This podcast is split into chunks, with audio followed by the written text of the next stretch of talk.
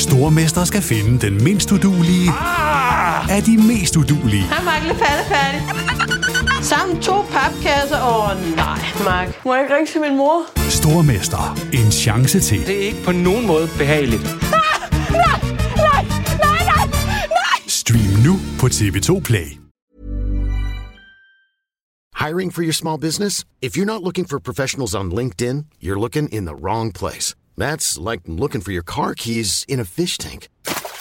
LinkedIn helps you hire professionals you can't find anywhere else, even those who aren't actively searching for a new job but might be open to the perfect role. In a given month, over 70% of LinkedIn users don't even visit other leading job sites. So start looking in the right place. With LinkedIn, you can hire professionals like a professional. Post your free job on linkedin.com slash people today.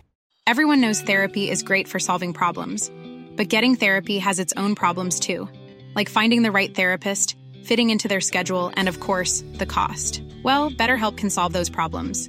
It's totally online and built around your schedule. It's surprisingly affordable too.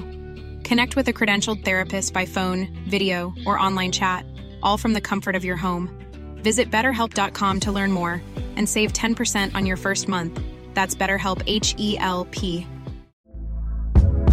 Hey there, it's Michelle Norris. I'm host of a podcast called Your Mama's Kitchen. When I travel, I'm usually looking for a way to find a taste of home when I'm not at home. And one of the things I love to do when I am at home is entertain. And Airbnb allows me to do that. When I was in California recently, I rented a house that had a great kitchen. And when we were sitting around the table, we're all thinking, we're in someone else's house. Someone could be in all of our homes as well.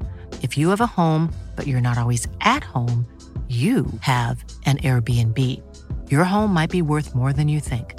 Find out how much at airbnb.com/slash host. Du lytter til NBA-podcasten fra TV2 Sport.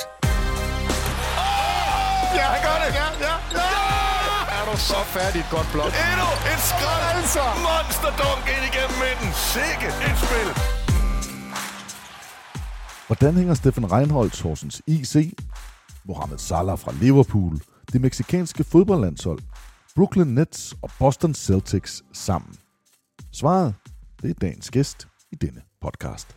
Jeg er fodboldindkasttræner, og jeg arbejder for fodboldklubber over hele verden, blandt andet Liverpool FC, Ajax og det meksikanske landshold. Jeg har haft æren af at have møder med Brooklyn Nets og Boston Celtics.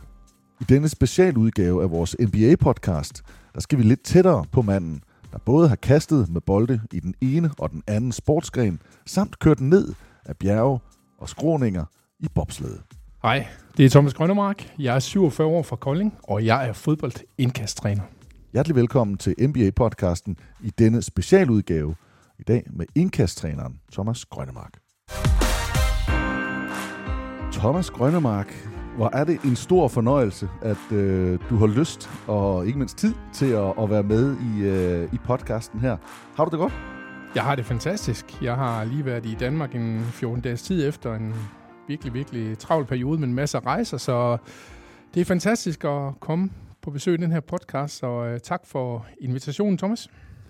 Du, øh, som jeg lige nævnte i, i optakten, så øh, har du jo fulgt, eller jeg ved ikke, om jeg nævnte, men jeg fik i hvert fald sagt, at der var nogle bånd fra Steffen Reinholdt og Horsens IC og til Liverpool.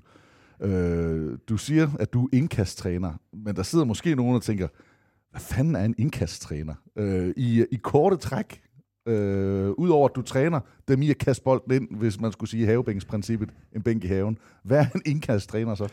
Jamen, øh, det er måske verdens øh, mærkeligste job, jeg har, men jeg træner simpelthen øh, fodboldspillere i at kaste et hurtigere, et klogere og et længere indkast. Og for at gå det helt ned, så handler det rigtig meget om, selvfølgelig kan man bruge de lange indkast som, som våben, og det er også noget af det, jeg træner, men de fleste hold, det handler det mest om, hvordan kan vi skabe rum på banen, så vi kan beholde bolden, få en chance eller score et mål efter en indkastsituation.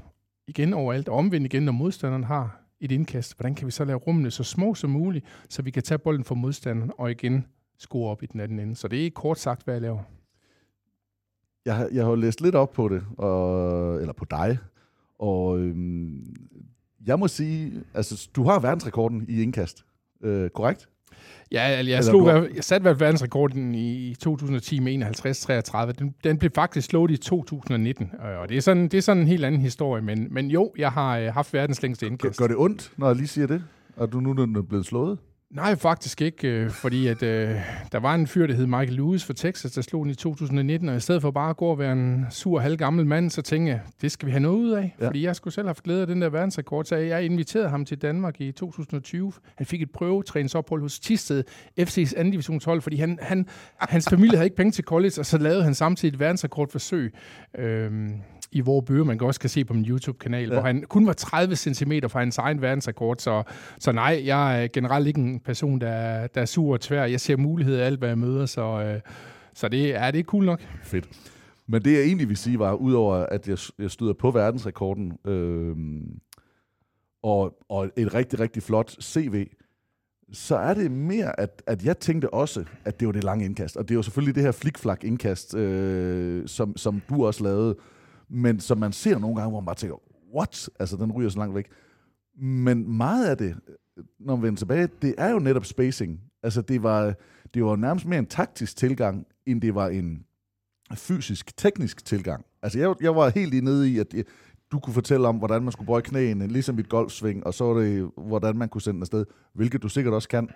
Men det virker mere til med, med risici og med overtag, og hvor hurtigt man skal sætte det i gang, at det ligesom er det, der, er- der er indover. Ja, det for mig det er det vigtigste omkring fodboldindkaster. og her er der rigtig mange ligheder med, ligheder med basketball, som vi kommer ind på senere. Men jeg kigger både på space, jeg kigger på pres, jeg kigger på tid, det er også en væsentlig faktor. Så kigger jeg også blandt andet på det, som jeg kalder uh, low risk, high reward. Altså en gang imellem, så kan vi tage en lille risiko og få en, få en stor belønning. Øh, og det kan faktisk være rigtig fint, og, og man kan tillade sig at tabe en possession der. Øh, så jeg kigger på mange forskellige faktorer, når, når jeg både skal analysere, men også hjælpe spilleren til at blive bedre til at beholde bolden eller score mål efter indkast. Og hvordan starter det? Altså, hvordan finder du ud af, at det... Her er der en niche, der er nogen, der ser en mulighed, du så en mulighed, men hvordan finder du ud af, at det er det, du skal? Har du altid været god til at kaste, eller... Ja, for at gøre en, en meget lang historie meget kort, så har jeg selv spillet fodbold i 15 år i Horsens, den bedste U19-række. Øh, spille mod alle de der, Thomas Graversen, alle de der, han spillede for Vejle, ikke? Øh, men jeg er jo ikke god nok til at blive professionel. Jeg var, havde et rigtig godt indkast, og det havde jeg fået, fordi jeg havde set min fætter Bent og Johnny kaste lange indkast, da jeg var barn. Øhm, og så var jeg også super hurtig, så midt i 90'erne skiftede jeg til, øhm, til atletik, ja. og allerede det første år, jeg trænede, kom jeg på landsholdet. Øh, var der i seks år, løb 100 meter, 200 meter, 400 meter. Stafet også, øh, er for dansk mester nogle gange på 200-400 meter, og, og europamester på 4x400 meter stafetløb for klubhold i 2000 i Paris. Så jeg kom, jeg kom lidt rundt, men så var jeg i, i 2002, så var jeg så øh, flyttet til Skive, på grund af, at jeg mødte min kone. Og dem er derude, der hører med i, i. Der er måske også nogen af jer, der har gjort noget skørt på grund af kærligheden. Det gjorde jeg også, fordi jeg, jeg flyttede til Skive, og det er selvfølgelig fantastisk. Dengang var hun bare min kæreste, øh, men jeg havde ingen at træne med. Mm. Og selvom jeg havde sat personrekord på 100 meter og 200 meter, så, øh, og var på landsholdet stadigvæk i Sevilla det år, øh, så, ja, så var det bare blevet til tal på et stykke papir. Og jeg havde bare mistet motivationen, fordi jeg savnede det der fællesskab. Så jeg tænkte, kan jeg finde mig en sportsgren, der, der er lidt mere social, hvor jeg har nogle holdkammerater. Og det endte så med i 2002, jeg kom på det danske bobsled-landshold. Og, ja, og det, det, lyder, det lyder crazy. Okay, Også, jeg, jeg, jeg Ja. slår lige bremsen Ja. i. Fodbold. Øh, atletik. Bobslæde. Jamen, altså, det er jo fuldstændig vanvittigt. Jamen, øh, og det er vanvittigt, og der er mange, der tænker, at der er jo ingen sammenhæng, men der, er- der er jo en nær sammenhæng mellem at være hurtig i fodbold til at gå atletik, til atletik. Der er en nær sammenhæng mellem at gå fra atletik til bobslæde, hvis du mister motivation, og du ved, at i bobslæde, der er det vigtigt at være hurtig, stærk og tung, mm. som jeg var. Det eneste lille ting med bobslæde, det var, at jeg var helt vildt bange for rusjebaner, fordi jeg var, min mor sagde altid til mig, da jeg var barn, du skal prøve at køre rusjebane, ikke? Men jeg kastede altid tid op, ikke? Så, så jeg var skide bange, da jeg prøvede første gang. Men jeg, kunne- jeg kunne godt holde til det. Jeg er ikke nogen specielt sej gut, men jeg måtte bruge nogle, bruge nogle metale værktøjer og sådan noget. Så jeg kørte bobslæde i, i øh, fire år. Vi rejste rundt i, i hele Europa, USA, Kanada. Og, og en dag i 2004, altså midt i den bobsledetid, så øh, spillede vi sådan en indendørs fodboldkamp mod tyskerne. Og grunden til, at det var mod tyskerne, det var, fordi vi havde en, en samarbejdsaftale, eller kooperationsvertrag, som det hedder på tysk. så vi havde tyske øh, trænere og holdledere, og også i gåsøjne holdkammerater. Og så spillede vi bare på sådan en indendørs håndboldbane, og så har vi et indkast ned, helt ned ved vores mål, og så kaster jeg op i den anden ende, og det er jo er forholdsvis langt, omkring 40 meter, ikke? Og så, så alle de andre, de siger bare, wow, hvordan, hvordan kan du kaste så langt? Og så sagde jeg, det var jeg god til, da, øhm, da jeg spillede fodbold. Og lige der, der fik jeg tanken, hvis jeg nu kan kaste langt indkast, skal jeg så ikke lære fodboldspillere at kaste lange indkast også. Mm. Øhm, og jeg sagde det til mine holdkammerater, og vi var meget innovative, nytænkende på bobsledholdet, gjorde en masse ting, man aldrig har set i bobsledsporten før. Så de sagde, jo, prøv da. Og så tænkte jeg, nu skal jeg hjem til Skive Bibliotek og øh, finde den der bog omkring øh, indkast. Men der var ikke nogen bøger overhovedet. Øh, der var heller ikke noget seriøst på internettet. Så jeg brugte omkring et halvt år på at analysere. Jeg videoanalyserede mig selv. Det var også noget, det har brugt rigtig meget i bobsledtiden. Ikke? Og så, ja, så havde jeg et, øh, et indkastkursus i oktober 2004, og jeg kunne jo godt have startet med en amatør- eller ungdomshold, for jeg vidste jo reelt set ikke, om de virkede. Men jeg tog mod til mig og kontaktede Viborg FF, Ove Christensen, der var træner ja. på det tidspunkt. Han har altid været meget nytænkende og prøvet mange ting med hans hold. Og han tænkte, jamen lad da ham der, bobsled-køren, komme op og træne indkast med mine spillere. og, øh, og det gik skide godt. De, øh, de forbedrede sig rigtig meget. Ja. De scorede en masse mål på lange indkaster. Dengang fik de deres bedste placering i, i klubbens historie nogensinde, så, så all in all var det en succes. FC Midtjylland næste år, og ja, så, så de første par år var det kun de lange indkaster, så det var først i 2007, jeg så begyndte at arbejde med det hurtige og det kloge. Og så sidder der så nogen og tænker nu, men, men hvor, hvor filen kommer basket så ind i det her? Og vi startede med øh, at nævne Steffen Reinholdt og, og Horsens IC. Jeg kan fornemme lidt, at du, du rører ved Horsens der i, i ungdoms, da du spiller U19 eller spiller en del år øh, fodbold. Og, øh, og basket har jo altid, og det tog vel et eller andet sted lidt tid for, for SC Horsens at, at virkelig komme, øh, komme til brødet og komme op i det bedste. Men, men basket i Horsens har jo i lang tid været flagskib, og, og været dem, der styrede det. Så Carsten Kviding, Sørensen og Claus Hansen, Ole Stampe, Steffen Reinholdt selvfølgelig, Pete Hoffmann. Øh, mange af dem der må jo have været nærmest små konger i, øh, i byen, og nogle af dem, du har, har, har stødt på. Ja, det var mega fedt. Jeg begyndte jo, jeg havde selv spillet basketball lidt over. Jeg tror, jeg er i, i klub. Jeg var vel 13-14 år. Jeg er, er der noget, du ikke har spillet? Uh, ja, der, der er mange ting.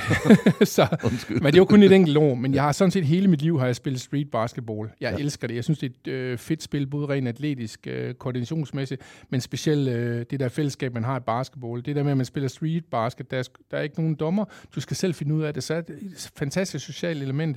Men igen, øh, jeg har vel fra sidst i 80'erne af, jeg tror måske, jeg har været den 13-14 år, da jeg startede med at se basket i Horsens, mm. altså det bedste hold.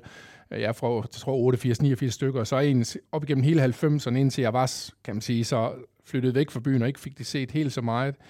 Øh, men som du nævner, så ja, nogle af de første, jeg så, ikke, det, det var jo Ole Stamper og Steffen Reinholdt og, og alle de der. Øh, så kom der nogen til, uh, Pete Hoffman, Pistol Pete, mm. som han jo blev kaldt. Øh, Mikkel Lange kom jo en lille bitte smule senere, så var det jo Søren Rets, der kom, og Carsten Kviding Sørensen, og ja, så det var, øh, det var mega fedt. Og, og grunden til, at det også var fedt i Horsens, det var, at, øh, at det blev, der blev spillet i den gamle parkhallen. Ja, ja, ja. Og, og parkhallen, den var, det var meget intim. Ja. Så, så hvis der var mere end 500 mennesker derinde, så var den pakket. Jeg har været derinde, hvor der har været langt over 1000 i nogle af de der finalekampe.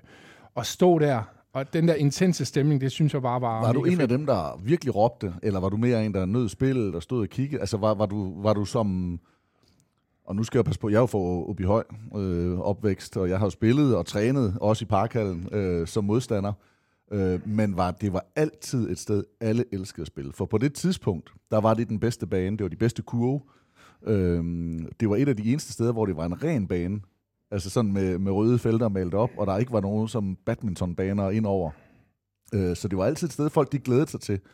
Og de glædede sig også til den stemning. Men det var jo, altså der var jo sådan en, øh, en, øh, en første sals ting, hvor der var åben, hvor sponsorerne, øh, de stod op og råbte, og det var jo urmanden, og det var benzinmanden, og det var, øh, eller brillemanden, og ja, hvad var det, det var, og, og pølsemanden. Det var salami, hydrotexaco, øh, Boris, nej ikke Boris Briller, en af brillebutikkerne, og så Festina Ure.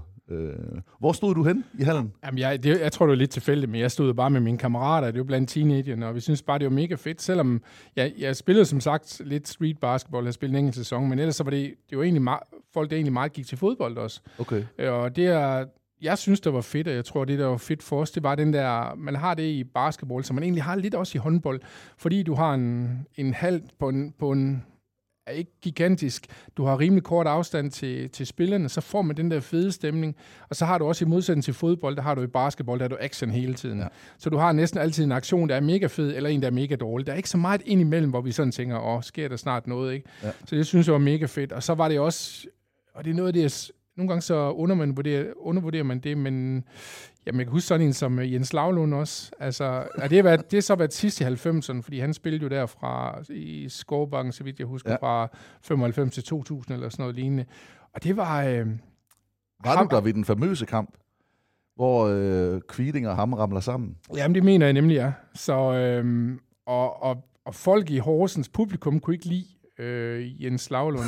det kunne de ikke. Og det er jo fantastisk, og hvorfor det er fantastisk? Det er fordi, lad, nu, lad, os, lad os nu bare lige lynhurtigt tage, tage snakken over til wrestling. Der er nok nogen, der siger wrestling for USA. Det, det, det er et vigtigt element, det er jo, at man har de, der hedder heels, de bad guys. Hvis de alle sammen var gode, vi bare konkurrerede, så er der ikke noget, der hedder wrestling i USA. Så er det bare at være, undskyld, røvkedeligt. Ikke? Ja. Og det samme har vi brug for i basketball også. Altså, altså, det, der var ikke nogen, der havde noget mod Jens Lavlund, når kampen var færdig, men under kampen, så har man brug for en eller anden fra modstand, hvor man tænker, åh, ikke også? Og ham kan vi ikke lide, og det giver en stemning, og det er fedt, så derfor må vi aldrig nogensinde miste det. Vi må aldrig blive så, så politisk korrekte, at det hele bliver glat, og man ikke må. Så, så han er uundværlig, ligesom der har været HIC-spillere, der har, der har været hadet i Skovbakken, eller i Hørsholm, eller hvad det man nu har spillet i høj. Ja. Det er bare, bare så vigtigt. Dem kan vi ikke undvære. At det så for at tage den til NBA, at, at, at Dylan Brooks lige har gået en eller to gange over stregen. Ikke? At, at der mener jeg, der mener jeg, Dylan Brooks kunne have blevet en kæmpe held i NBA, hvis han har holdt sig på den rigtige side af stregen. Så man bare tænker, han er en hård spiller, men han gik to-tre øh, skridt over stregen, ikke? så derfor så er der ikke ret mange, der kan lide ham, måske nogle meget få. Ikke? Så, så, så de der folk, der kan, der kan begejstre, det, mm. de er vigtige, synes jeg. Ja, det seneste er jo, den Dylan Brooks ting er jo, at, at Memphis lige nu har meldt ud, at han ikke kommer tilbage. Han står jo skulle have kontraktforlængelse eller en ny kontrakt, og de siger simpelthen på grund af alt den ballade og misære, der har været omkring ham, at, øh, at de ikke ønsker at, at skrive under med ham. Øh, og det er selvfølgelig noget, vi kommer til at tale om i, øh, i mange podcasts, og sikkert også Crunch Time fremadrettet, om hvor det er, han kommer til at ende, hvis han kommer til at ende noget sted. Jeg er nu sikker på, at der nok er nogen, der skal se en fidus i at, at samle ham op. Men jeg er meget enig i uh, Helte, øh, skurke øh, ting, at det, det er jo ikke kun basket og fodbold, det er jo alt. Altså det er film, øh, det er det hele, det er det billede, vi skal have malet op, så man har nogen at holde med, øh, og nogen at, at være imod. Og, og dem, der ikke kender historien med, med Horsens og, og Jens Lavlund, så var Jens jo lidt, han er en af mine bedste venner og, og ungdomsvenner, men var lidt provokerende. Der rendte rundt og var en hostler og løb rundt, og, og Horsens havde jo Carsten Kviding. Jeg tror, Jens han selv har fortalt historien her før, men Carsten Sørensen, som var en, en stor fyr, og på det tidspunkt også en af dem øh, først, første med store tatoveringer og skaldet, og, og havde sikkert givet sin flade i, i sin tid, øh, også uden for banen. Øh, og, øh, og der, der kommer det ned til, at bakken i det, jeg tror, det er en DM-finale, men man kommer ned og, og er bagud, altså Horsens er foran på hjemmebane, og så kommer de tilbage, og så er Horsens ved at tabe den, og bakken scorer igen, og så får Karsten straffekast, og, øh, og så får de sagt, at Jonas Buer får gejlet ham op, og Lavlund er der, og får sagt et eller andet med, at han ikke kan ramme, og han brænder et straffekast, og det er jo frustrerende, og lige det, der knaller han så Jens Lavlund ned, og får jo, jeg mener det er et års karantæne. Øh, så der er jo ikke noget i, i selve aktionen der, hverken fra den ene eller den anden side, men det var bare med til det, øh, altså jamen det, den rivalisering og den historiefortælling, der var. For der havde jo været tidligere, når Jens kastede sig efter en bold og landede på første række, så er der Horsens fans, der har tømt en øl i hovedet på ham. Eller, altså, der har været så mange historier, og der har sikkert også været mange den, øh, den anden vej. Men bare lige for at riste op for dem, der ikke øh, kender historien, så var det altså dansk basket på et, øh, et tidspunkt, hvor det var, øh, jamen, det var, det var sgu et andet niveau. Og så vil jeg også gerne lige understrege for at lave en lille krølle på det sidste med Lavlund. Jeg synes jo, han er helt fantastisk i crunch time, og, og det er alle folk generelt, både jeg øh, faste værter, men også dem, der kommer på besøg. Ikke? Men jeg elsker Lavlund derinde for den der... Øh, han er så rolig, man har også en masse humor, en masse lune og ved en masse om basket, ikke? Så, så, øh, så en fantastisk fyr. Og, og ifølge i, ifølge også det, du siger, og din tilgang til tingene, øh, vi har jo alle sammen spillet, øh, eller Peter og Jens og jeg, øh, men, men Jens har også en rigtig god analytisk tilgang. Altså han ser meget på spillet, og hvad det, hvad det kan gøre, hvordan sådan en eller anden, hvordan man dækker op her, jamen så skal den gøre sådan. Han, han har noget ungdomstræner, men han har aldrig trænet på seniorniveau. Øh, men som spiller, så har han en god næse for, hvad der sker. Og det er faktisk noget af det, jeg sætter mest pris på ved ham, når, som, også som medkommentator, ekspert, at øh, altså den der evne til at, at få det skåret ud og sige, det er det, der sker nu, og nu forventer jeg, at der kommer til at ske det her. Øh, nå. Når vi nu, du, tag, du sagde indkast før, og øh, du nævner lidt om basket. Ser du alle kampen stort set nu her? Er du med i playoffs? Er du, hvor, hvor, hvor godt har du, har du set noget af Miami? Jeg vil, jeg vil altid sige, at jeg får mest set, når det er inden for forholdsvis fornuftige sengetid. Ja. Jeg, får, jeg får desværre ikke set midt om natten, så det er, det er meget et weekend, hvor jeg kører de der 19, 21, ja, 30 ja. kampe. Men jeg følger med på, altså jeg ser highlights, jeg ser live scores, jeg ser box scores med alle statistikker. Og sådan det jeg gerne vil hen til, det er, at der er jo en spiller, der hedder Kevin Love fra, fra Miami. Han spillede i Cleveland, spillede i Minnesota først, og han har jo altid haft det her fantastiske outlet-aflevering, men, men sådan tohånds brystaflevering. Øh, men altid bare virkelig, virkelig god til at læse spillet, øh, men en eller anden vanvittig styrke i, i indkast og i, i afleveringer. Og i den seneste her i serien mod, øh, mod New York, hvor i den kamp 1 er det, hvor Jimmy Butler går amok, men også øh, bliver skadet, der har han tre eller fire altså in-game, men hvor han rebounder, og så bare sådan et indkast. Altså det er jo vidderligt et indkast, han laver der. Det er det ikke brystafleveringen, men, men præcisionen der. Og der tænker jeg bare, når man sidder og, og så ser nogle af de afleveringer, når man ved, hvor svært ting kan være, bolden er tungere end en fodbold, men hvor præcist han også kaster. Altså, hvad du, hvad du tænker om sådan en, når, når man ser det? Men jeg synes, det er et rigtig godt værktøj her i, i værktøjskassen, fordi et, et almindelig bars, en almindelig basketballaflevering vil typisk blive lagt øh, fra hoften cirka. Det er jo om, omkring en meter plus minus lidt, afhængig af hvor høj du er. Hvorimod et indkast, det bliver jo nok sluppet, specielt hvis du er omkring de der to meter, som, som rigtig mange af dem er, bliver nok sluppet i en 62-72. Så det betyder, at du har en lang højere mulighed for at kaste over en forhindring, altså det vil sige modstanderne. Mm. Så det åbner helt klart uh, banen meget mere op, hvis du mestrer det også. Uh, men, men du skal også kunne mestre afleveringen, fordi det hjælper ikke noget, at du bare siger, nu tager vi bare et indkast, fordi det, det er et helt andet kaster at kaste med hænderne over hovedet, der er forholdsvis strakt, i hvert fald når du slipper den, så til at kaste den fra hoften af. Og det har han åbenbart mestret, ikke? og det, det synes jeg sådan set, at alle basketballspillere skulle kunne mestre, for det er så vigtigt i det der uh, transition counter-attack spilagtigt, hvor vi skal op ad banen, skal gå hurtigt. Fordi hvis du kun kan kaste den fra hoften, og du har folk, der står foran dig, ikke? og så, så, bliver det, så bliver det lidt sværere. Ikke? så er der så nogen, der måske prøver med et enholdskast, der bliver slynget lidt, men det er altså ikke helt så præcis, for du har ikke den stabilitet i kroppen til at... Så, så Kevin Love, det der fodboldindkast sagt, det, det er genialt. Ja. Jeg, synes, det, jeg synes, det er altså, dybt fascinerende. Er det bare noget, man kan Altså lidt ligesom du bare kunne det, fordi du havde øvet dig lidt som barn, og så har du så mestret det senere? Eller er det noget, som, som der skal trænes på? Altså er det en, selv selve indkastbevægelsen, er det noget, som alle vidderligt kan blive rigtig gode til, eller er der nogen, der er bygget anatomisk bedre til at kaste indkast? Jamen, der er nogen, der, der selvfølgelig har en fordel, fordi de, de har en fysiologiske fordel. Her snakker ikke om styrke, men hvis vi snakker længde, så er en fysiologisk fordel af, af fleksibilitet. Så vil sige, har du specielt din skulderled fleksibel, fordi du længere, du kan tage bolden bag hovedet, jo længere arbejdsvej har du på bolden, så kan, kan du kaste den længere. Øh, men det er selvfølgelig noget, jeg også lærer spillerne i fodboldklubberne. De fleste spillere, hvis jeg træner med over en periode, forbedrer sig mellem 5 og 15 meter. Øh, og det er simpelthen, fordi de fleste fodboldspillere kaster meget ineffektivt. Så på selve indkastlinken kan man sagtens øh, både starte og være rigtig god, men jeg har også haft rigtig mange fodboldspillere, der, der har været elendige til at kaste længdemæssigt, men så er gået til verdensklasse, og det samme vil man kunne i basketball. Øh, og så rent præcisionsmæssigt, det vil sige, der er også bare nogen, der har den der feeling af at, og, og, og kaste præcis. Jeg vil tænke, at basketballspillere har en noget større fordel end fodboldspillere, fordi de fleste fodboldspillere, de har jo bolden ved fødderne størst mm. af tiden. Basketball mm. har den i hænderne, ikke? så jeg vil tænke, at i gennemsnit er de i hvert fald mere præcis grundlæggende.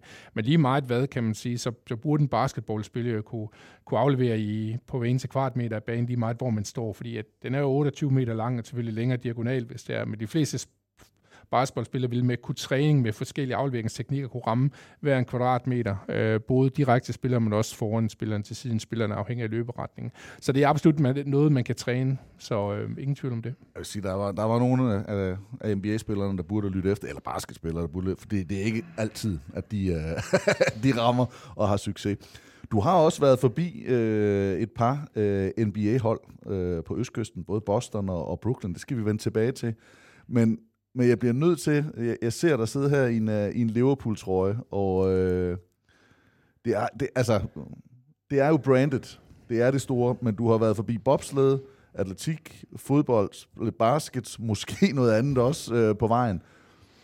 På et tidspunkt, og vi prøver at gøre den her historie lidt kort, så ender du som indkasttræner hos, hos Liverpool FC. Øh, altså ikke ungdomsholdet, ikke et eller andet hjælpe. Altså sammen med Jürgen Klopp øh, ind og skal træne nogle af de store saler. Øh, man kan nævne dem alle sammen. Hvad tænkte du, da det lykkedes? Øh, en ting er, at nu har du fået noget løn for at gøre noget, og man havde gjort noget godt med Viborg, og man har gjort noget godt med FC Midtjylland, og bevares. Men, men lige meget, hvordan man vender og drejer det, så er Liverpool, det er bare en anden størrelse. Ja, men altså, det var sindssygt, og, og, og det er ikke overdrevet, når jeg siger sindssygt. Det var fuldstændig crazy, hvad der skete. Altså, det skal sige, Jürgen Klopp ringede jo direkte til mig for at bede mig om hjælp. Det var ikke noget med, at jeg kontaktede nogen eller lavede noget markedsføring på social media. Nej, han ringede direkte til mig for at bede om hjælp, fordi Liverpool var mega dårlig til indkast. Så jeg, jeg blev jo øh, inviteret til et møde på, på Melwood. Det var i starten af juli 2018.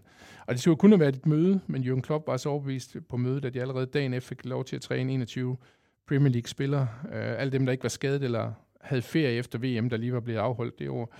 Øhm, skrev vi kontrakt ugen efter. Øhm, og, og den måde, det påvirker mig, det, det var totalt surrealistisk. Øhm, og jeg vil sige, mit bedste eksempel på, hvor surrealistisk det var, det var, at jamen, vi har nok alle sammen prøvet, eller det ved vi alle sammen har, at drømme om noget fantastisk. Mm.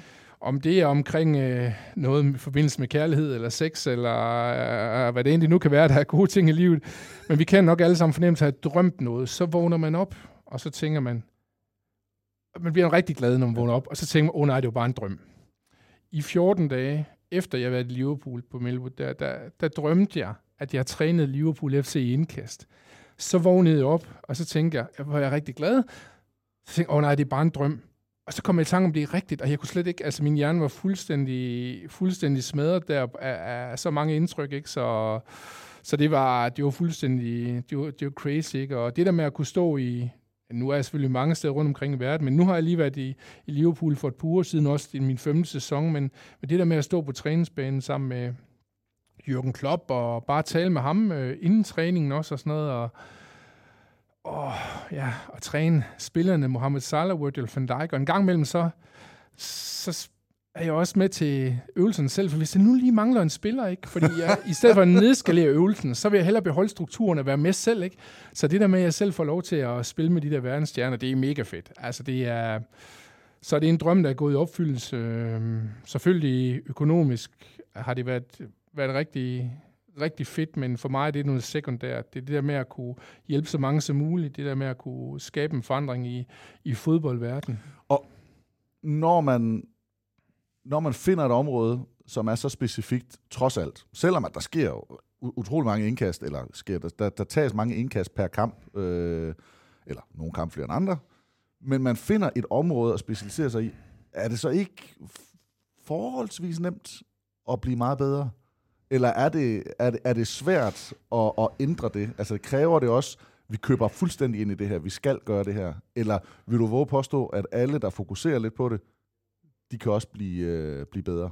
Jamen helt klart. Altså, det er et underudviklet område i fodbolden. Man har spillet fodbold i omkring 150 år, og det har altid været sådan et indkast. Det var ikke så vigtigt. Øh, og et af de hvad skal man sige, bedste eksempler på det, det er, at hvis en, et hold har mistet en bold ved et indkast under pres, altså på, hvor spillerne er dækket, jamen så har kommentatorerne ikke sagt noget. Altså man bare accepterer, det indkast, det er man bare dårligt til. Men det har den samme konsekvens at tage bolden ved et indkast som midt på banen, at du ikke kan score selv, men nu kan modstanderen for at sige det øh, kort mm. og præcist. Ikke? Så, så det har været ret undervurderet. Og en anden ting, jeg også ved, der sker i fodboldverdenen, det er, at man, man næsten altid i sin træningsøvelse spiller med indspark, for det er lettere. Ja. Og så har man svært ved nogle gange at forstå, hvorfor vi er så dårlige til indkast, når vi kun laver indspark til træningen. Og det har sin, så, så jo, det er... Men det sjove er vel også, at du kommer vel med indspark ja. at gøre den bedre til indkast. Ja, ja det kan man sige. Uh, ren, ren, ren spole, kan man sige. Men jo, jo, altså det er for mig det let, og en stor del af mit arbejde handler jo om, om det, jeg kalder det hurtige, det kloge indkast, hvor vi gerne skal have spillerne til at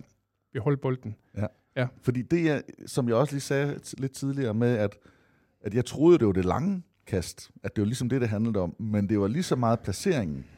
Men hvis du går ind og siger, hvor hurtigt man skal kaste, for at få sat spillet hurtigt i gang, så er der en, der er mere fri, og de andre er ikke så klar, eller at vi skal stå på den her måde, fordi så er formationerne bedre i form af, hvor man så kan kaste bolden hen, så går du jo ind og bestemmer lidt over, hvordan Jürgen Klopp han et eller andet sted skal spille sin taktik. Og hvordan, hvordan, hvordan, jamen, hvordan matcher I sammen der? Fordi en ting er, at du har en idé, jamen prøv at vi skal stå sådan og sådan, men hvis de skal stå sådan, så gør det vel, at man skal rykke noget rundt i de formationer. Er, er det bare sådan en, øh, det accepterer vi, nu gør vi det her, eller er, render, man, render man lidt mod hinanden der? Øh, det er selvfølgelig lidt forskelligt fra klub til klub. Der er nogle gange, der skal mere eller mindre dialog til, for man vi finder hinanden. Og dialog er virkelig lige meget, og kommunikation lige meget, hvad vi laver. Men, men det, man skal huske, det var, at sæsonen inden jeg kom, 17-18 sæson, der havde Liverpool fået en fjerdeplads i Premier League, der jo er en flot placering. De, får, de tabte finalen i Champions League til Real Madrid, hvilket også er super flot overall. Så de manglede de sidste step. Liverpool var, og det viser data senere, faktisk kun nummer 18 ud af 20 Premier League med, øh, med en possession ved indkast under pres på 45,4. Så tredje sidste i Premier League, det er ikke ret godt, hvis man vil være den bedste i England og verdens bedste, eller i hvert fald som minimum Europas bedste. Men i min første sæson, øh, 2018-19, der gik vi fra 45,4% possession til 68,4. Gik fra øh, nummer 18 i Premier League på, på det parameter til nummer 1 i Premier League, også til nummer 2 i hele Europa øh, lige efter FC Midtjylland, et af mine mm. andre hold. Og jeg har selvfølgelig skamdelt det her data, ikke også? Altså det, så, og det er jo ikke min egen, så er det jo, altså hvis det er min så egen, så er det, bedre, jo. Ja, men, men, men de andres folk, øh, andres data, ikke også? Og tilbage til de spørgsmål, så for mig, det handlede det rigtig meget om tillid. Og som Jürgen Klopp selv sagde til mig, men også øh, offentligt også, han har sagt, at, at han har prøvet at gøre noget ved indkast, men det har ikke virket. Så han har haft tillid til, at jeg kunne hjælpe den. Så, så indkastene går fra at være fuldstændig elendigt til at være ja, noget af det bedste i, i hele Europa. Ikke? Så, øh, så, så, så ja, det handler meget om tillid, øh, så det giver meget, meget indflydelse. Men udover at du godt kunne lide basket og så nogle af, af de her gule salami-drenge rende rundt i, i parkhallen øh, som ung, og øh, har fulgt med i NBA nu, og øh, så har bevæget dig i, i alle mulige sportsgrene.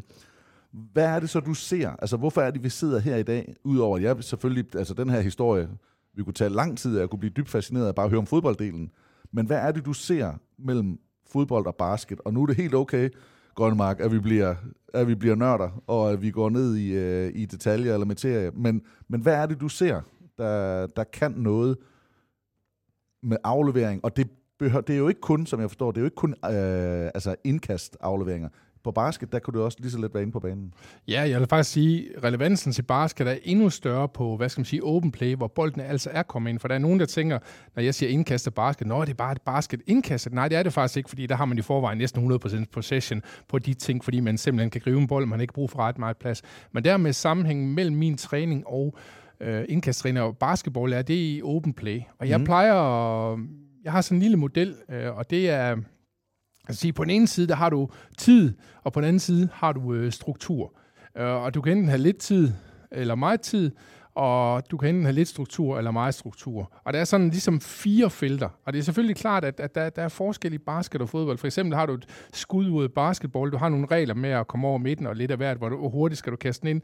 Og i, i, i indkast har man ikke det, det, den samme regulering med tid, men, men hvis vi ser bort fra det, så kan man sige, hvis man har kort tid, og øh, en lav struktur, så svarer det lidt til, at en basketballspiller får, en, får bolden, og så ser han et eller andet genialt. Det er ikke noget, der er bestemt, men han ser et eller andet. Det kan være Jokic, der får den, og så kommer der en, en bold et eller andet sted hen. Hvor kommer den hen til en spiller, det havde han set?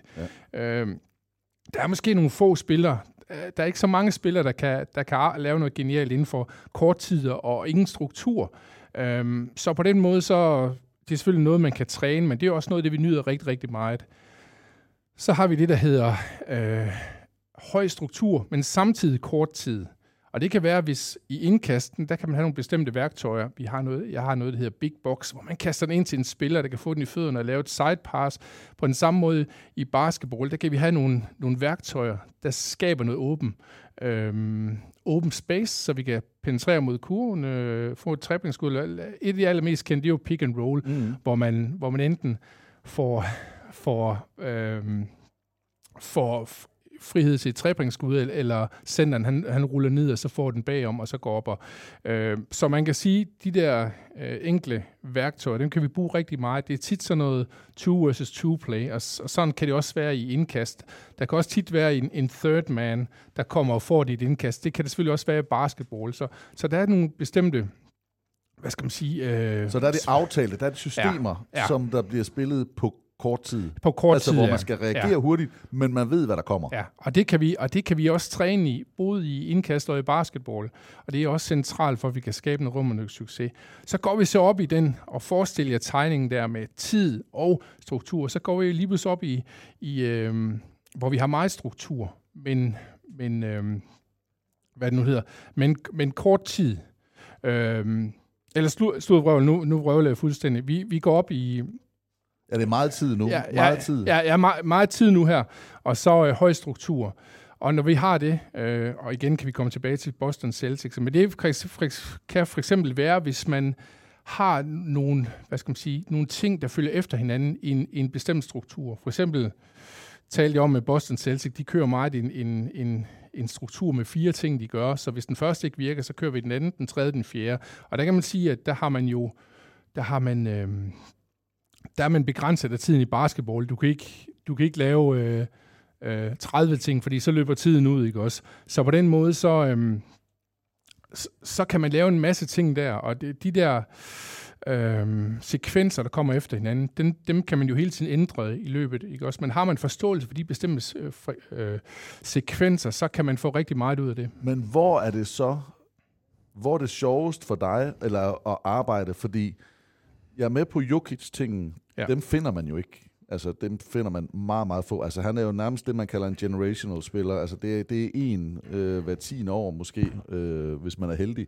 Nogle af dem, der kan reagere og gøre det, som folk som, folk som mig, som kommentator, eksperter sidder og siger, det er det geniale. Øh, som man også godt kan se som, som tv-seer, som fan. Det der, det havde jeg ikke set, men det var vanvittigt, at han så det. Det, det, det tror jeg, det er meget svært at træne jeg, jeg tænker umiddelbart, at hvor man har lang tid og meget struktur, det må være det nemmeste at træne, men vel også det, alle træner. Så, så hvor er det henne, at, at hvor er dit første nedslagspunkt normalt, altså for at man kan ligesom op den der kurve og få de bedre procenter, som, øh, som du har haft succes med? Ja, og der vil jeg sige, så vil jeg så komme til det sidste felt, og beklager igen, hvis, hvis jeg lytter derude, øh, bliver lidt forvirret. Jeg har ikke skrevet min egen struktur op her på et stykke papir, så jeg bliver måske lidt forvirret selv, forvirret selv. Men, men jeg synes, det der, der er det allermest spændende, det er, når vi har meget tid, men lav struktur. Hvorfor så det? Jamen det er, fordi vi har meget tid og lav struktur, så handler det i højere grad om at læse spillet. Det vil altså sige, at vi kan stadigvæk lave forskellige bevægelser for at skabe noget. Vi kan stadigvæk lave specifikke værktøjer, men her handler det mere om at se rummet, se den der space, der bliver skabt. Og det synes jeg er mere interessant. Øh, for at sammenligne med, med fodboldindkast, så, så er der mange, der tænker, at... Øh, så er der mange, der tænker, at... Hold det op. Nu får vi da en alarm her. Jeg ved ikke rigtigt. Vi sidder på kvægetåret og jeg kigger lidt rundt. Der er vist flere, der har fået en besked no, okay. om et eller andet. Okay. Øh, skal jeg lige se. De tester simpelthen sirenen. Okay. For at vide, så øh, ja. vi, har, vi har tid. Okay. vi, vi lever endnu. Jamen ved du hvad. Og Jamen. jeg kigger rundt, der er ikke rigtig nogen, der... Nej, vi fik simpelthen besked. Det er jo det viser jo, hvor live sådan en, uh, en podcast den, ja, uh, jamen, jamen, fantastisk. den kan være. Men lad os nu komme tilbage til det der med, med min lille kære model. og her snakker vi om, at vi har meget tid med lav struktur. Og det, jeg synes, der er meget fascinerende her, det er, at vi kan... Her handler det om at se rummet, se det i space. Uh, her handler det om, at, og vi har stadigvæk bevægelse, vi kan stadigvæk bruge konkrete værktøjer til at åbne de her rum her, også mm. i basketball med forskellige uh, screens og picks og, og bevægelser og kryds og tværs og in and out men det handler mere om at, at, at læse spillet, og det samme gør sig gældende indkast. Og det synes jeg, det er det allermest interessante, fordi du har nu lige pludselig tusindvis af muligheder, og det er meget, meget svært at forsvare. Det tager selvfølgelig lidt længere at lære, ja. end bare at sige, det der system, de år, det, nu, nu gør vi det ligesom en, øh, vi skal optræde med det i cirkus, og det er let at lære, men man skal også vide, at systemer, der er, der er, der er lette at lære, øh, de er også let at aflæse nogle gange. Så, så, så, men, men for mig ser det ikke noget, der er bedre end andet, for man, man kan arbejde i alle fire felter. Men er det ikke nemmere? Er der, er der ikke et af felterne, der er nemmere at slå ned på? Altså man kan sige, med, med lav tid, lav struktur, så gælder det vel om at være fattet, eller om at tro på det, man laver. Nu, nu gætter jeg, øh, men ud fra min egen trænererfaring, og hvis jeg siger, at jeg har meget tid, lav struktur, så gælder det om at læse, og der vil jeg mene, Golden State Warriors måske er noget af det bedste. Ja. Altså sådan lidt, altså det ser ud som om, de løber systemer, og der er helt klart nogle af afleveringerne, de har aftalt, men meget af det er jo bare flydende, og så er det at se, hvad, altså det er sådan read and react, mm. øh, ja. hvor der kan være mange, det der sådan, man kender Horns-spillet, to screeninger på toppen, dribler af, en ruller, en popper ud, altså der er det jo meget, meget aftalt. Det kan godt være, at det ser ud, som om de læser det, men de læser reelt kun, hvad for en to muligheder er det. Altså den ene dækker de, når så bliver det den anden. Mm. Øhm, og der tænker bare, men er der, er der et af dem, der, der, der er nemmere, eller er det, er, er det sådan en bred kamp? Ja, det er, det er jo altid de der, øh, hvad skal man sige, områder med høj struktur, de er altid lettere at lære spilleren. Spørgsmålet er altid, hvad får det største output, du ved? Ja. Og der går jeg også selv, når jeg træner fodboldholdene, går ind og kigger på, ja, blandt andet spillestilen, men jeg går også rigtig meget ind og kigger på det, jeg kalder individual throw-in superpowers. Øh, og det handler, selvom det lyder fint, så handler det egentlig grundlæggende om, at vi kigger på individuelle evner. Der er nogen, der er gode til et first touch med foden, dem vil vi gerne bruge til return pass, til at modtage indkast. Der er nogen, der er gode til at beskytte en big box, hvor de får bolden i fødderne, og så laver et side pass eller tager den. De er typisk fysisk stærke spillere. Der er nogen, der er hurtige, de er gode til at løbe ned bag forsvaret, og så er der blandt andet også nogen, der er gode til at øh, der er gode space creators, at skabe rum for andre, det er noget af det, der er meget undervurderet, fordi det kan nogle gange være svært at måle, fordi vi har en tendens, også i basketball, til at kigge på på rebounds og brings og blocks og alt muligt, men der er nogle underliggende statistikker, der betyder ekstremt meget. Og så igen tilbage til dit spørgsmål, så tror jeg, det er meget, meget vigtigt at kigge på, hvilken type hold det er. Jeg har nogle hold, lad os nu tage Liverpool, hvor der har været ekstremt mange gode øh, fodboldintelligente spillere og rigtig gode space creators. Udover de andre evner, de nu har, så har de haft en forståelse af, hvordan vi skaber rum, os to, eller os tre, eller os fire, eller et bestemt område, og selvfølgelig også, fordi de har lært det mig. Og der kan du gøre nogle komplicerede ting, men hvis jeg, hvis jeg går ind på et hold direkte, og måske med nogle typer, der ikke er så fodboldintelligente, intelligente, så, øh, så vil det jo gå galt, ikke? At prøve at få dem til at gøre noget kompliceret, om de nogensinde kommer til at gøre det. Så igen, tilbage til, hvad du sagde, så vil det jo være nogle hold i basketball, der, der, der bliver allerbedst, hvis de kører noget meget struktureret, der er meget simpelt, og det er de bare gode til. Og der er nogle hold, der er bedre, øh, hvis de kommer til at komme ud i sådan noget open play og forståelse Golden State Warriors, som du siger. Ikke? Så, så for mig ser det ikke noget, der er rigtigt. Man kan selvfølgelig arbejde på alle områder, men man skal i høj grad se på, hvor, øh, hvad er det for et hold, jeg egentlig står med, hvad er det for nogle spillere, og så er der nogle gange en træner, der måske kan gennemtrumfe noget, fordi han synes, det er det vigtigste. Ikke? Men jeg tror faktisk, du, det er vigtigt at starte med, med at se, hvad har du egentlig til rådighed af spilleren, før du egentlig, før du egentlig laver en strategi. Og det er også derfor, scouting er så vigtigt. Jeg ved godt, scouting og i fodbold, og så den måde, man får spillet ind i NBA, det er jo to forskellige ting. Ikke? Så, men, men ja. Jürgen Klopp ringer til dig og siger, nu skal vi prøve et eller andet her i fodbold. Det er jo så en ting. Du har været lidt rundt i, i noget andet, men så bliver du kontaktet af Brooklyn Nets, og det er jo her, det bliver rigtig sjovt for, for mange af vores lyttere, at, at NBA lige pludselig øh, kommer ind over. Det er under coronaen, så det er mere noget, noget virtuelt. Men, men hvad er det, de gerne vil vide? Altså, er det, er det en test af, ham her kunne vi godt se noget i, var det nærmest en jobsamtale, eller var det øh, at, at prøve at pick your brain, altså prøve at finde ud af, hvad, hvad er det af teori? Hvad, hvad gik sådan en, øh, en samtale ud på, og hvordan kom den i stand? Ja, jeg vil sige, at det, selvom det er meget fristende at sige, at det var dem, der kontaktede mig, så må jeg jo nok hellere fortælle sandheden, det var mig, der kontaktede dem. Og det var fordi, jeg har jo arbejdet en del med, hvordan kan man bruge det her, nogle af de principper, jeg har fra indkasttræning til mhm. basketball mm. også. Men det kom i den stand, at, at uh, det handler om networking. Og når man vil et eller andet, så, uh, så man må selv tage action. Der kommer ikke nogen og der kommer ikke nogen, der siger til dig, øh, vil, kunne du ikke tænke dig at have et møde med os? Jo, det, det gør det selvfølgelig en gang, men hvis vi jo en klop ringede til mig, men, men det, det hjælper ikke noget, du sidder og venter for lang tid. Men jeg fik kontakt med, og nu skal jeg huske hans fornavn, han hed i hvert fald Dupol, jeg mener det var Glenn Dupol eller sådan noget mm-hmm. lignende, et eller andet, der var, skal jeg tænke mig om, hvad var han? Head, head of Analysis, Basketball Analysis ved Brooklyn Nets, tror jeg det var. Altså, og de der titler, folk har nu om dagen, det er jo helt, det er jo helt vildt. Og der også? er mange mennesker også. Ja. Tidligere var det jo bare ham ved computeren, ikke? Ja. så, men nu har man jo de helt vilde. Altså de helt vilde... Øh. Nå, men det er en helt anden sag. Øh, men det var så under covid-19, det var i 2020, hvor det hele var lukket ned, og man kunne ikke... Øh, og det var simpelthen bare... Jeg, jeg, kunne ikke huske, jeg tror, jeg snakkede med ham en time, halvanden. Der var også et par folk mere fra Brooklyn Nets. Øh, jeg fik sendt noget video til ham, men jeg fik, fik snakket om det der med at... Hvor, jamen, hvilke ting kunne de bruge fra, fra indkastringen og inspiration frem og tilbage. Men det blev ikke så meget, til så meget mere i den omgang, og det handlede primært om rejserestriktioner, og ja, der gik ja. jo fra det tidspunkt gik et år eller halvanden til man begynder at ja, ikke også. Så, så jeg vil ikke sige det, jeg vil ikke sige det, øhm, det gik i sig selv igen. Jo, det gjorde det jo egentlig, men, men, men, men det var, jeg tror, det primært handlede om øhm, rejserestriktioner på det tidspunkt. For jeg tror, at hvis det havde været ligesom nu, så havde jeg været i, i Brooklyn og set noget træning og lidt af hvert. Ikke? Ja. Øhm, men ja, Men det blev ikke lagt på hylden jo, NBA. Det kan godt være, at Brooklyn blev lidt lagt på hylden, men i, i, i marts måned er du over og både holdt oplæg øh, af Sloan-konferencen, øh, som er en, jamen, en kæmpe inspirationsskov. Faktisk en af de der, en af mine bucket list øh, destinationer, har ikke været der, men har set øh, flere af tingene. Øh, men, men jeg vil virkelig gerne. Øh, fornemmelsen er, at der kommer rigtig meget guld ud, og der er nogle sjove debatter. Og, øh, og der var du simpelthen inviteret over og, og var med.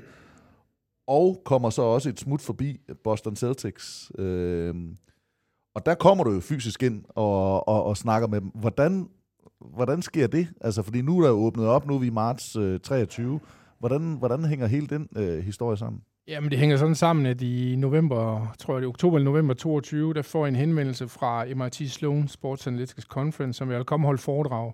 Og i og med, at jeg bor i Danmark, og det foregår i Boston, så var det noget af en rejse. Og lige da jeg får den, og igen vil jeg sige, at, øh, at, at, at penge det er sekundært for mig, men alligevel så tænker jeg så lidt, åh, det bliver et af de der gode foredrag, for jeg holdt en del foredrag også for virksomheder som, om arbejdsleden innovation og, og samarbejde, motivation og så videre. Jeg tænker, åh, det sgu sådan en af de der rigtig gode, ikke kun oplevelsesmæssigt, for det var helt oppe i top, men, men åh, det, det giver også lidt på pengepunkten. Men så er det så, øh, ja, så er det ubetalt foredrag, øhm, og for, fordi det er non-profit. Altså det er kæmpe stort, men der er ikke nogen, der sådan skal tjene penge på det på den Ja. måde. Nå, så tænkte jeg, så er det sgu... Øh, nå, men det er så de får, der jo ikke får noget, hvad bare får rejser og, og ophold betalt. Og så skriver jeg så med ham igen, øh, Leo, som man hedder derovre fra, og jamen, så skulle jeg også selv betale rejse og ophold.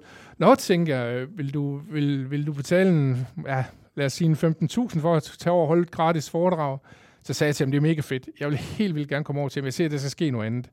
Det, der så sker også, det er, at øh, ja, uden jeg faktisk ved det, så er der en læge, der hedder Ratman, jeg mødte i Liverpool øh, sidste sommer, der så skriver til mig, uden han ved, at jeg er til Boston, jeg kunne komme og tænke mig at holde foredrag for dem, og han studerer øh, Emergency øh, Medics på øh, Harvard Medical School. Okay. Så, så det med MIT Sloan, det var øh, 3. marts, Harvard Medical School om innovation af 2. marts, og så tænker jeg, at jeg skal, det kunne være fedt, hvis jeg kunne få noget med Boston Celtics. Det jeg så godt, det er, at jeg går bare ind og, og igen til jer, der lytter derude, der skal et eller andet... Øh, Ja, det jeg gjorde, gik ind på LinkedIn, Boston Celtics, hvem arbejder der, og hvem kan være relevant for mig i kontakt.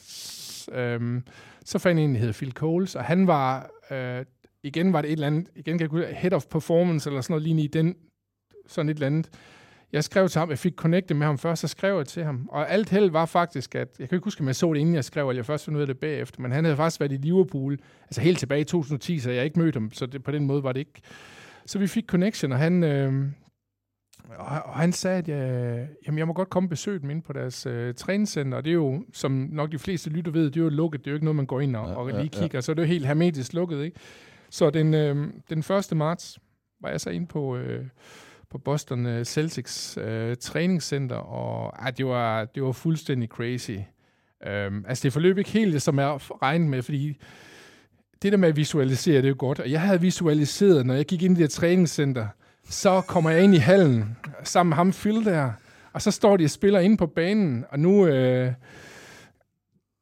jeg er, sådan, jeg er sådan lidt begavet lidt med, med nogle fysiske talenter, øh, selvom jeg også er lidt overvægtig i øjeblikket, så jeg kan stadigvæk dunke i basketball. Så har jeg visualiseret, at jeg kommer ind, og står spillerne der, for eksempel Marcus Smart, og så siger Marcus Smart til mig, kan du dunke? Ja, det kan jeg. Og så dunker jeg, og så er de bare ved at falde i svime, og så tænker de, vil du ikke være med til at spille? Vi skal bare spille lidt, og så spiller vi lige en, en halv time, og vi hygger med high five og sådan noget. Men jeg mødte faktisk ikke nogen af spillerne. Jeg så, øh, der, der, der var et par enkelte af dem, der stod oppe ved kafeteriet. Der er sådan en restaurant oppe på første sal, hvor de kiggede ned over træningsbanerne. De kiggede lidt ned, de så mig lige sådan. men, men, men, øh, men, jeg kan men, godt forstå, at du vågner op en gang imellem og er ja. lidt skuffet over drømmene. men bortset fra det, så havde jeg, jeg, jeg tror, jeg var derinde i halvanden time cirka, og det skal vi skal huske, som alle også ved, der lytter. Det er det der kampprogram. En ting er, at man er travlt i fodbold nogle gange, med, men det der med, at man spiller hver dag eller hver anden dag, ikke også? Mm-hmm. Så den der tid, I har til at træne alt muligt, det er selvfølgelig klart. Men jeg var der, jeg tror, jeg var der halvanden time, og jeg fik en rundvisning hele komplekset der der er bygget af New Balance, ikke? Øh, og med rigtig flot udsigt ud over en, en del af byen, og mm, mm. faciliteterne er helt, helt i top. Og, og så fik jeg en lang snak med Phil Coles også om, hvordan de, øh, hvad skal man sige, deres organisation er, og hvad deres træning er, og hvordan de, hvordan de, hvad er det nu, det hedder, øh, ja, går til gamet, og noget af det, jeg faktisk var allermest overrasket over, fordi nu kommer jeg kommet i de sidste fem år, tror jeg, arbejdet i 25-30 forskellige professionelle fodboldklubber, så jeg har set en masse. Men noget af det, jeg er overrasket over, det er der, hvor mange træner de forskellige spillere egentlig. Altså, hver træner har egentlig en, mm. en personlig træner. Ja. Altså, der, der, kan så godt være, altså, der er nogle personlige træner, de har måske en 3-4 spillere, men de har rigtig mange eksterne, ej, ikke eksterne, for de er jo inde i klubben, ikke? men altså, de har rigtig mange til at hjælpe sig. Så, så, så Phil sagde, det er faktisk også et arbejde nogle gange at få, få det koordineret ja. i sig selv, ikke ja. også? Men på en måde synes jeg, det er jo, det er jo fedt, øh, en, kan man sige, en øh, individualisering inden for teamsporten, ikke? Øh, men man så kan det, så tydeligt se det, også i timeouts, hvis man ser NBA-kampe nu, at, at der er nogle af assistenttrænerne, altså der er en hovedassistent, han, træner, han taler stort set kun med headcoachen. Og så sidder der jo to andre assistenter på forreste række, som er sådan lidt med, men der nogle gange tager samtalerne med spillerne ud. Men så sidder der en række bagved, øh, og det er jo anden række der, og der sidder der jo så en, der har guardsene, en, der har forwards, eller en, der har de store, eller en, der har øh, fast break, eller en, der... Altså, og det er jo dem, de så tager fat i. Og der har hver enkelt spiller sin træn, eller som du siger, har fire mand måske, øh, som han tager. Men det er så tydeligt at se, hvem de henvender sig til de forskellige, øh, når der er de her øh, timeouts. Men hvordan var det, øh, altså følelsen af så, at have rendt rundt omkring Anfield og, og, og hele Liverpool, og have noget af det mest, jeg ved ikke, hvad skal jeg sige, undskyld, ikoniske i, øh, i fodboldverdenen, og så til noget af det mest ikoniske i NBA. Jeg ved godt, at, at du ikke har været inde og arbejde med spillerne på den måde, men man får jo alligevel suget noget til sig. Og når jeg kan høre dig visualisere, så kunne jeg også forestille mig, at du har drømt lidt øh, og, og, og efterrationaliseret på det også. Hvordan har, hvordan har hele det oplevelse været omkring øh, NBA? Jamen, det har været, øh, det har været sindssygt fedt. Altså, jeg, jeg elsker at komme steder, hvor, øh, hvor man prøver at top performe, fordi der, øh, der prøver man bare at give den maks på alle parametre. Det synes jeg er mega fedt, og mange af de ting kan du tage med lige meget. Du, du kan tage med i arbejdslivet, dit private liv, dit øh, parforhold, det der. Altså, jeg synes, det, det, er, det er mega fedt. Ligesom da jeg var ude ved Harvard Medical School, hvor jeg kigger ind ad vinduerne, jeg kan bare se, at de der folk, der er der, at der er 3,5 procent, der bliver optaget af i forvejen ekstremt dygtige mennesker på den skole, ikke? så ved man bare, at der sker noget stort, og det samme var det med, med Celsius. Se den der måde, man arbejder, ikke? også i de forskellige afdelinger, hvordan man samarbejder, hvordan man går dybt ned i data, hvordan man går dybt ned i, i detaljer. Og altså, det er, det er meget fascinerende, og, og jeg, igen, jeg kniber mig selv lidt i armen. Er det, er det rigtigt, det her? Ikke? Ja. Fordi at, uh, selvom jeg selvfølgelig største del af tiden uh, hvad skal man sige, prøver at fokusere og få så meget ud af oplevelsen, uh, og, og giver mit min værdi, min viden videre til folk og, og få noget igen og frem og tilbage, så er der også en gang imellem, jeg træder tilbage, og så er det, altså, det er sådan surrealistisk. Det er nogle gange, som om jeg, jeg står og kigger udefra, ikke? Ja. Øhm, og, og jeg ved det godt, det er ikke alle mennesker, der er det ondt, men jeg tror også rigtig meget på, øh, at vi er med til at skabe vores eget liv. Og her handler det ikke om at være verdens bedste, eller vinde Champions League eller Premier League, som jeg har gjort, eller, men det handler meget om, at, at der står nogle muligheder foran i livet vi kan altså nogle gange selv godt tage nogle skridt for, at, at tingene ændrer sig. Og, noget af det, man skal huske, det er, at, at, at der, der er mange folk, der siger, at ah, du er, du er bare så skide heldig, fordi du har, du har vundet alt, du har været med til at, i tre-fire forskellige sportsgrene, og du har fået kæmpe oplevelser, og det er bare, du er bare heldig. Så, nej, jeg er ikke heldig. Du skal tænke på tilbage, der var 19-20 år, der var jeg, jeg var da en okay fodboldspiller, men ikke, ikke sådan en, man tænker, du bliver professionel. Nej. Så kan, man kan egentlig sige, jo, jeg havde nogle evner med at kaste indkast, og havde en god fantasi, og kunne løbe stærkt, men jeg var egentlig et blankt stykke papir, og det er jo kraft af de øh, actions eller handlinger, jeg selv har taget, den hjælp, jeg har fået for folk, den hjælp, jeg har givet, de relationer, men jeg har også skabt. at ture. Altså, fordi ja. man kan jo sige meget, og, men, og så kan det godt være, at du mener, at der er nogle grunde til, at du har skulle skifte. Men, men også at tør skift. Altså også ja. at tør kaste sig ud i en ny sportsgren. Også at se mulighederne i noget nyt, og se mulighederne i en niche. Altså tør at gøre nogle ting. Øh, det, det vil jeg da trods alt give dig øh, af kredit. Men når du nu siger, at du render rundt og kigger ind af vinduerne på, på Howards, og vi, vi taler om possessions eller små områder, og med en graf med, med tid og med risiko, så kan jeg ikke lade være med at tænke på en, en, altså film Moneyball, hvor, hvor alt bliver målt op i, i matematik og i, i ligninger. Øh, det er baseballfilm med, med Brad Pitt, hvor de sidder og kigger. Jamen, det er egentlig smart. Vi sender bare den, den gode væk. Han er for dyr. Og så finder vi tre spillere, der kan de her ting. Det kan godt være, at de ikke kan det helt så godt, men vi finder nogen, der får dækket ind. Øh, og det er jo sådan mere i udregning af, hvad vi får i produkt.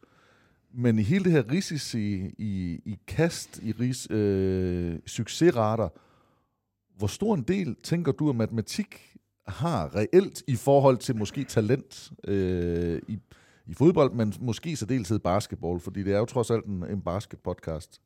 Ja, men jeg synes, at matematik uh, har en, strik, en streng stor betydning, ikke kun i livet, ikke kun i sporten, men specielt i basketball. Uh, vi er så, så så heldige, at vi får i basketball en del mere statistik og ja. data, matematik forærende, end man gør i andre forholdsvis andre sportsgrene. Det begynder at komme lidt i fodbold, det begynder at lukke lidt op, men stadigvæk er det, er det ikke i nærheden af, af, af hvad skal man sige, af basketball. Og for at lige slå en lille hurtig krølle på dit, dit, øh, dit spørgsmål der, så vil jeg sige, inden ved MIT Boston Sports Analytics øh, Conference der i, i marts, der, der havde vi en fyr fra øh, Portland Trailblazers, der der ligesom var NBA's første fulltime analytics broadcaster. Ja. Og udover den datastatistik, du normalt har, så går, går han ind i forhold til Portland Trailblazers, øh, så tager de alle de underliggende statistik, og så kommer han ind i de der, for eksempel time-out, et spilstop, eller en halvleg eller noget, og lige kommer med et indstik på en 30 sekunder. Og ham hørte jeg et oplæg fra på den der Sports Analytics Conference, MIT Sloan der, og det var rigtig, rigtig interessant, fordi jeg synes faktisk, at tit, det er, det er, jo, det er jo 100 gange mere spændende, synes jeg, eller 100 gange, det var meget overdrevet, men det er jo mere spændende, alle de der underliggende ting, fordi det er det, der får det hele til at tikke. Øhm, og igen tilbage til spørgsmålet om matematik. Der ligger matematik i alt. Vi får allerede nu her, vi får... Øh, Ja, vi får selvfølgelig alle de, de grundlæggende ting, statistikker, men det, det ligger under med, for eksempel skudprocenter, øh, er selvfølgelig meget, meget spændende, men jeg synes også, det, det kan være spændende at, at man i højere grad for publikum begynder at køre ud noget ud med space og områdeforståelse og, og pres og lidt af hvert. Det, det, det vil godt have, og der ligger en del matematisk ting i det. Og jo, publikum kan sagtens klare det, fordi faktisk, hvis man ser på Twitter, så er der faktisk nogle gange, at, at fans, de er klogere end de der pundits, som man siger, ja, ja. eksperter, ikke også? Så det, så, det, så, det, så det kan vi sagtens. Så, og men, men det nyeste, sådan, hvad skal man sige, i, i nutiden, og det, og det, det går jo en 5, 6, 6 år tilbage nu. Men det er jo hele udviklingen af trepointskuddet. Øh, hvor man i, i, øh, i Houston også havde nogen, der var, der var fremsynet og turt tage en chance, men legede lidt med deres udviklingshold og sagde, nu er det kun layups og træer. Alt mellemdistance, fordi at hvis procenterne er nogenlunde det samme på en lang to og på en træer, jamen så giver det meget mere mening at, at, at ramme to ud af fire træer, end to ud af fire lange skud fordi man får flere point. Og, øh, og hele den udvikling og det, det forsøg har jo gjort, at vi i dag, udover at de også er blevet bedre, men de, nu tør man, nu er det okay at tage nogle pressede skud og tage chancerne, men belønningen kommer, og det er jo nærmest, nogen vil måske sige, har ødelagt øh, spillet lidt, fordi der er kommet så mange øh, trepointskud, og andre vil sige, at det, øh, at det er fuldstændig fantastisk, det der, det der sker. Hvad, hvad, hvad tænker du om sådan nogle statistikker, der går ind og det her det er jo ikke et spørgsmål, jeg har forberedt dig på, øh, men hvad, hvad tænker du om, at statistikker på den måde går ind og er med til at ændre øh, et spil, og kan du se noget, om det så er fodbold, som du måske er mere inde i, men, eller basket, er der nogen, nogle nye ting, nogle nye tiltag, man siger, det, her, der, det er simpelthen for meget risiko ved det her, vi skal spille på den her måde. Øh, forstår du? Jamen, jeg forstår det udmærket godt, og der er både øh, positive og negative ting med det. For det første, så er det jo det der med, at, at, at når vi får noget data, så kan vi se, at det her det, det virker rigtig godt. Øhm, at vi så gør det, jamen så, så er det jo meget fedt, at, at der ligesom er en sammenhæng der, men der kan også være nogle negative ting, og lad, lad, mig, lad mig tage det om til, til fodbold her, men der er nogen, der har fundet ud af, at det lange indkast, det kan godt betale sig, fordi så blandt Brentford, som jeg også har arbejdet med i den her sæson også, og to andre sæsoner, de er, de er jo helt crazy, når de får et indkast i nærheden af modstanders straffesparkspil, så kaster de næsten langt hele tiden, og de har fået en placering, der er meget, meget højere end det budget, de ligger til, så det er en kæmpe succes i Brentford. Og så man gået ind og kigger på det, og så er man nogen, der konkluderet, at en lang indkast ikke bedre betale sig end en kort indkast. For det første, så er det en meget, øh, der er noget mere nuanceret tilgang. Det er den ene ting. Den anden ting er, at det ville være forfærdeligt, hvis man så tænkte, når, man, når det er en succes for Brentford, så skal vi måske alle sammen kaste lange indkast i modstanderens felt. Mm. Men hvis vi gør det, tænker det, så vil man, fordi for at have succes på lange indkast, så skal du score, eller undskyld, så skal du måske kaste en 10, 12, 15 lange indkast per kamp. Det vil du tit nogle gange få i nogle kampe i hvert fald. Og hvis begge hold så gør det, så er det måske en 20-25, endda helt op til 30 lange indkastningskamp. i en kamp. De kommer til at slå spillet fuldstændig, og så får du et start og stop, ligesom man har, selvfølgelig har man det i basketball eller American football, men du får et helt andet spil. Og det er for mig at være kedeligt. Så, så jeg synes, mange af de statistikker, de skal ses i forhold til, for det første, de spillere, vi har, men også den spillestil, vi gerne vil have. Igen ved jeg godt, det, det er selvfølgelig ikke hjælp, vi, vi, vi, vi har en spillestil, hvor vi så bare alle taber kampe. Det er ikke det, jeg siger, men jeg siger, det, det, det betyder også rigtig meget, hvilken... Øh, hvad skal man sige, hvilket output, der kommer af, af den her data. Ikke? Øh, og, og det, man kan sige, det er, at øh, ja, det, det er selvfølgelig allerede sket, ikke? men, men, men øh, altså, når man begynder at lave rigtig mange trebringsskud, men så begynder forsvarsdelen vel også at ændre sig lidt, øh, så det så igen åbner op for øh, mellemdistance tobringskud, eller layups, ja, eller dunkstagen. Ja, ja. ja fordi så, det er jo begyndt ja, at komme lidt tilbage. Ja, ikke også? Så på ja. den måde, så, så for mig at sige, så tror jeg ikke, man skal være så nervøs, fordi jeg tror, når man tænker, åh oh, nej, nu, nu er det kun trebringskud, ikke andet, så begynder, altså, så, og det er også derfor, jeg siger, at, øh, at, at ved indkast, at det, det der med at have mange værktøjer, det er vigtigt, fordi når man begynder, hvis du går meget instinktivt ind i et værktøj, man er god til det, så man begynder at dække op for det. Og hvis man så ikke kan andet, så har man et problem. Ikke? Så derfor er det også igen med, altså, Golden State Warriors, de bliver nødt til at have nogen, der er stærk under kuren. Øh, mm. De bliver nødt til at have nogen, der kan lave dunker og, og, og komme ind, for hvis de ikke har det, så bliver det for let at dække. Ikke? Så, så på den måde, så tror jeg aldrig, at være nogle hold, der er totalt indsidigt. Ikke? Også, men, så, så jeg, men jeg synes, det er meget fedt, at man udvikler spil på, på baggrund af data. Ikke? Det, øhm, jeg, jeg, jeg kan bare godt lide det. Man skal bare lige holde lidt øje med de der downsides der. Du, øh, du talte lidt om, at du havde dunket, og du drømte om at gøre det i, øh, i Boston da du trådte ind. Jeg kan huske at have set en video, øh, hvor du dunker i Liverpool. Øh, hvor, og det er en Liverpool-træningsbane. Øh, hvorfor hænger der basketkur der? Det skal altså, lige... hvad, hvad bruger de basketkur til? Er det bare hygge, opvarmning? Øh, er det noget præcision? Hvad, hvad, hvad, hvorfor er der det? Jeg skal lige sige, det er en to år gammel video, jeg har fra Melwood, og det er en 305-kur, så inden folk derude tænker, at det er på 240, han dunker, så det var en, det var en rigtig kur, og med kunstgræs nedunder i kondisko også. Men øh, det var det gamle Melwood, og der var der en basketballkur som en del af det fysisk, stort fysisk område, hvor man kunne varme op og lave fysisk træning og lidt af hvert. I det nye, øh, ude i Kirkby, et helt nyt facilitet, der har de ingen basketballkur. Og det er... Sker der? Ja, og det sjove er faktisk, at jeg, da jeg var det er der derfor, for... det falder fuldstændig fra hinanden nu. og, ja, det sjove var faktisk, at da jeg var der for et par uger siden, så spillerne, de, der er sådan en øh, rack-agtig, en fysisk træning med noget stænger og nogle snore og sådan noget, der havde de hængt sådan en eller anden tråd på tværs af to stænger, og så kastede de ned imellem. Så det, lig, det ligger jo meget i det der, øhm, hvad skal man sige, øh, den, øh, menneskelige, det der mindset, at man, man har lyst til at kaste efter et eller andet, specielt hvis man kan lide basketball, som jeg kan en del af spillerne, så, så, så savner man det. Den eneste grund til, at jeg vil tro, at, øhm, at det ikke er der nu her øh, på det nye, nye facilitet, det, det, det tænker det jo med noget med loading, at de er bange for, at de kommer til at springe for meget. Eller kom, ja. altså, nu er det jo det er noget blevet, altså for 10 år siden, så, så, så tænkte man sgu da bare, det var basketball, det var fedt, det skal de have lov til at spille en gang imellem. Nu der, der, der er det bare, altså hver eneste sekund, det bliver jo mål for de her spillere. Ikke? Det, jeg har ikke spurgt dem om, hvorfor de ikke har en kur, men, men det er mit... Øh, ja, det er dit næste spørgsmål. Det ja, det tænker jeg. jeg har været på en podcast, og de spørger, hvorfor har I ikke en, en kur i, uh, i ja, Liverpool nu? Ja. Og jeg skal lige give en streg nu, da jeg faktisk tænker over det, så tror jeg måske, de har en i et, i et eller andet andet lokale eller noget. Men de er, altså generelt så er fodboldspillere, nu har jeg næsten været i den professionelle fodbold, været næsten 20 år, men generelt så er de jo meget, meget mere styret nu her Ja. og, og målt. Øh, Og jeg, jeg kunne forestille mig, at det, akkurat det samme i basketball, og det er selvfølgelig godt i forhold til at, øhm, til at vi får mindsket skaderne, men på den anden side, så tror jeg også nogle gange, man får mindsket glæden, ikke også? Fordi øh, hvis, hvis vi har lyst til at tage ud og, og stå og skyde på den der kur, der er kvarter, ikke? og hygge ja. os med det, det sgu da fedt. Og det kan da godt være, at det gør os 0,3% mere trætte, men det gør os måske 20% mere glade, ikke også? Så det er altid, det er, det er altid delt. Det er selvfølgelig klart, hvis man, man, prøver at dunke 30 gange og, og, kigge sig, så er det en ret stor belastning for din venstre andet. Det kan jeg jo så godt forstå, ikke? Men altså, lidt hyggebars, hvor man står og, og kaster, det tror jeg faktisk ikke gør noget. Så. Vi havde jo et, og det her det er et shout-out, men vi havde jo Oliver Christensen, Gribben fra Kærteminde, tredje målmand på landsholdet, inden her første juledag. Og han rendte jo rundt nede på gangen her på kvægtåret og prøvede at dunke en tre-fire gange. Altså, det var øh, meget imponerende. Og han lykkedes også med det til, til sidst, skal det siges. Øhm, jeg ved ikke, om man må, men jeg, nu ved jeg ikke, hvor mange af dem her, der lytter med, øh, af dem, du har arbejdet med. Men, men, men hvem har været fedest? Ej, det må man godt sige. Hvem har været fedest at arbejde Altså, hvem har været mest modtagelig? Og nu behøver jeg ikke en eller anden, øh, nu er jeg kritikeren, nu behøver jeg ikke en fra et andet hold, øh, af stjernerne. Er, hvis, hvis der er nogen af de her store, hvem, hvem har været mest sådan at sige, altså hvor du kan se, der er en, det her, det vil jeg fandme gerne vide noget om. Jeg vil gerne lære det. Øh, jeg vil gerne, jeg kan se, det gavner mig. For jeg tænker jo, at der er vel enkelte spillere, der er virkelig gode til indkast allerede, som får noget ud af at blive bedre, eller tænker, okay, jeg gider ikke høre på det, jeg ved det allerede. Altså, jeg kan sgu godt finde ud af at kaste indkast.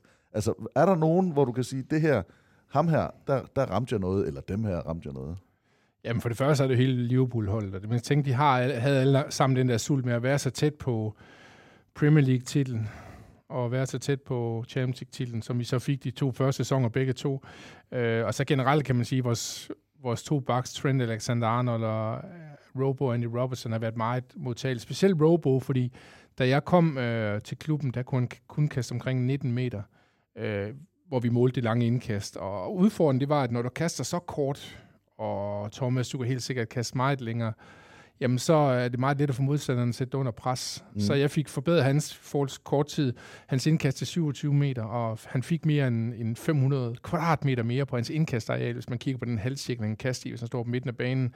Så en ting var de lange indkast, og det andet så alle de der værktøjer, han lærte sig, udover, udover hvad skal man sige, den normale interesse, man kan have for at blive bedre som atlet, så havde jeg sige, han var ekstra glad for det, fordi det har været en kæmpe svaghed for ham, selvfølgelig for hold generelt, men også for ham. Og han har nævnt mig flere gange i, også til pressekonferencer for det skotske landshold, hvor han Mm. mm. anfører også og sådan noget. Så det, det har været mega fedt. øh. Og hvis jeg så skal tage en anden en spiller som Daily Blind, der så er i, han, han vil i Bayern München nu, så vidt jeg husker. Øh, han var i Ajax på det tidspunkt. Jeg trænede en hel sæson i Ajax i, i 1920-sæsonen med Erik Ten Hag, men også alle spillerne. Og igen var alle spillere meget opmærksomme. Det, det gik også rigtig godt, men jeg siger specielt en som Daily Blind, der jo er midterforsvar. En forholdsvis lille en slagsen, alt er relativt selvfølgelig, men, men ekstrem fodboldintelligent, ekstrem nærværende, Mm. ekstrem interesseret i, hvad der sker. Ikke? Og sådan en spiller som ham, øhm, hvad skal man sige, synes jeg også har været vildt vild fed at arbejde med. Og så, hvis vi så skal tage til et land i sig selv, altså, så vil jeg sige, nu har jeg været et par gange i Mexico, blandt andet trænet øh, Pachuca, et hold i Liga MX, den bedste række derovre, der ligger 80 km nordøst for Mexico City, Okay. men også det meksikanske landshold i 21. Øhm, men det som er, hvad skal man sige, jo, stemningen, altså det der med, øh, altså herhjemme i, i, eller i Europa, der er det sådan, der er man helt tosset med fodbold, men i, i Mexico, der er det livet. Og det største, du kan blive i Mexico, det er fodboldspiller. De siger, det er nærmest større end at blive præsident. Det er at blive professionel fodboldspiller. Og jeg fik blandt andet en historie om, fra, fra Marco, der var sportsdirektør for Pachuca. Han er så i LAFC nu. Og han sagde, hver år har Pachuca en, en trial til deres akademi. Og deres akademi går fra U10 og så op til U19. Kan du komme, altså det er din golden ticket, hvis du kommer derind. Og det er en gratis trial, du kan vise, om du er dygtig nok. Markus sagde, at hver år kommer der 10.000 børn og unge for at vise, om de er gode nok til at på- komme på akademiet. Ja. Ikke også? Så, det, så, så at opleve det der menneskeligt, det er, det, altså, jeg ved godt, øh, der er ekstreme ting i Mexico med kriminalitet, og nogle ting, man skal passe på, og jeg har hørt mange historier der også. Men på den anden side er det livsglæden, alle farverne, ikke? Og så, så jeg, jeg, jeg har bare mødt så meget, øh, synes jeg, øh, kærlighed, lyst til at blive klogere, ikke? Så øh, ja.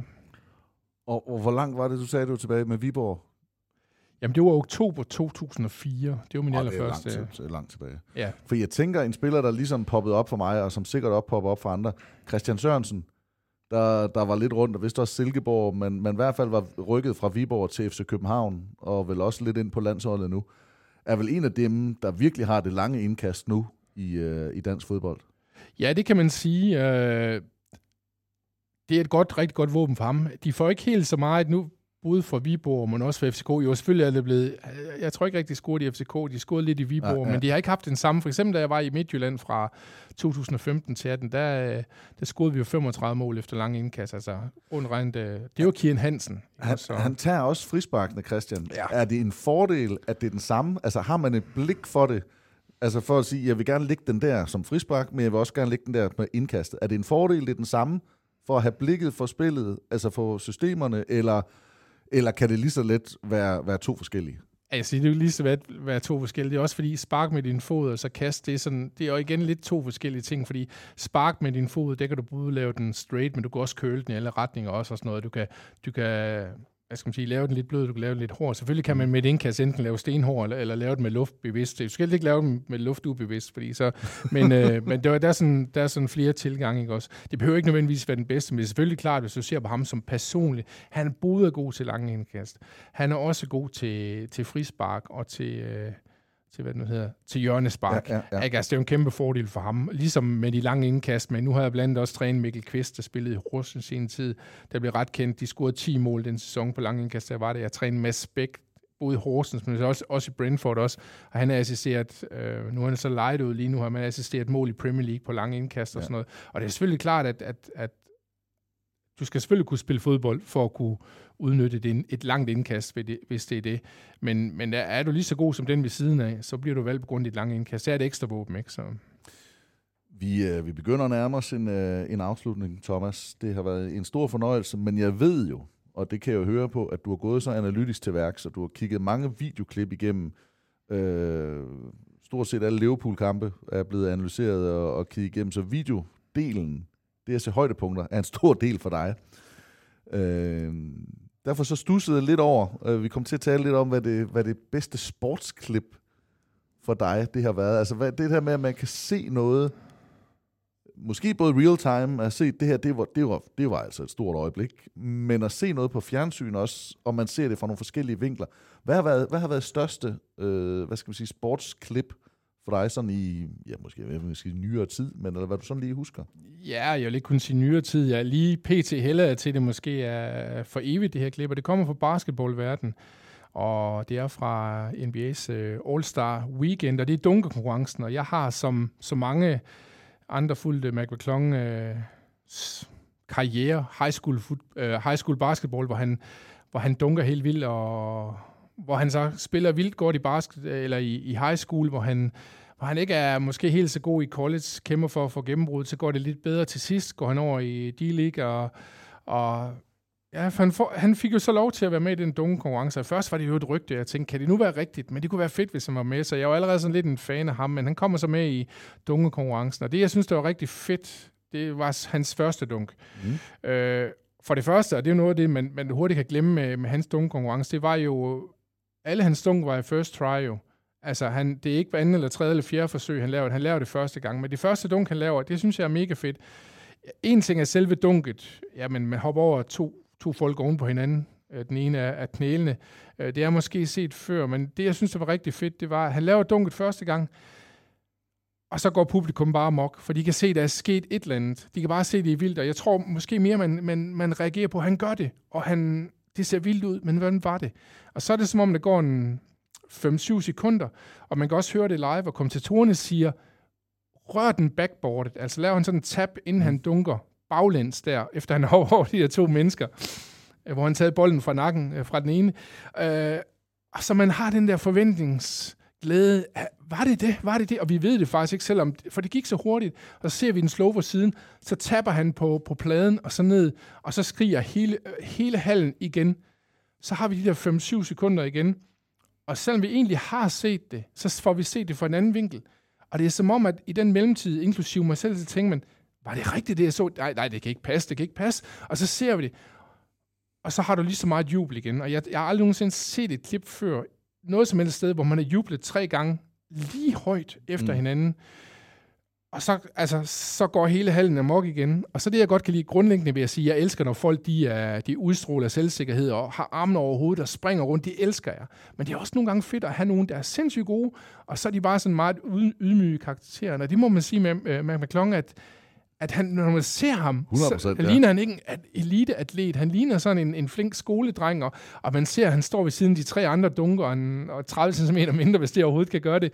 Øh, og han sidder bare der, og, og Wilkins, han står på, på dommerpedestalen, og man, man kan ikke høre ham, man kan bare se, at han siger 50 eller sådan ja, noget lignende, ja, ikke også? Ja. Han ved bare, og du får panorama ud til de forskellige NBA-stjerner, der laver alt muligt. De kan ikke tro det. Så, så, så all in all, ja, det var ikke noget VM, det var ikke noget NBA-mesterskab, men klippet, det er det bedste, jeg nogensinde har set. Det er vildt nok.